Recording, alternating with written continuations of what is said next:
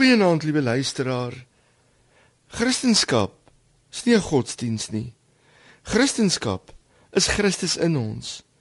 Christendom is die nuwe lewe van die verreëse seun wat een met ons in ons kom woon het. Dis 'n lewende verhouding met Jesus.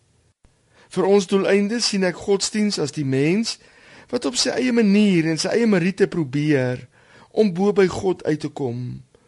Ek sien godsdiens as iets wat die mens probeer doen om God se guns te kry.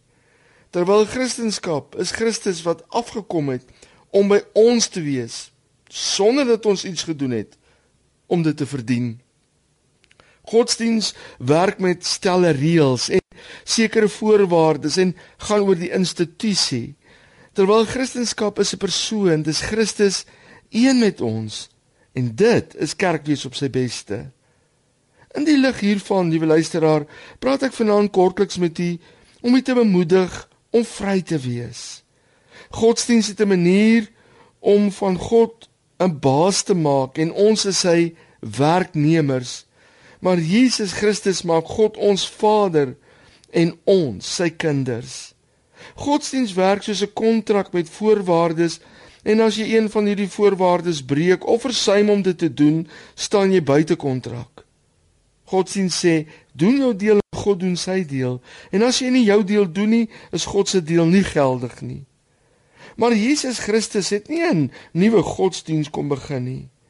Hy kom nie om ons 'n nuwe stel reëls te gee of 'n nuwe reëlboek nie. Hy kom om homself te gee. Hy sê: Ek is ek is die waarheid, ek is die lewe. Christendom is die lewe van Jesus binne in ons. En Jesus Christus kom wys vir ons God is nie ons slawe drywer nie. God is nie ons werkgewer nie. God is ons Vader en ons is sy kinders. Kinders het nie kontrakte nie.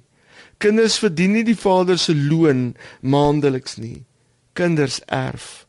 Kinders kry wat hulle nie verdien nie. Daarom vertel Jesus vir ons die gelykenis van die verlore seun.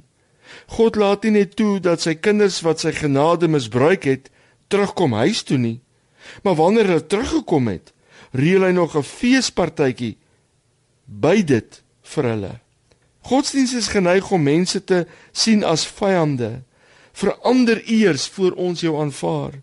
Maar Christendom sien sonde as die vyand en aanvaar sondaars voordat hulle verander. En as gevolg van hierdie genade en liefdevolle verandering verander hulle. Mag die Here u ryklik seën.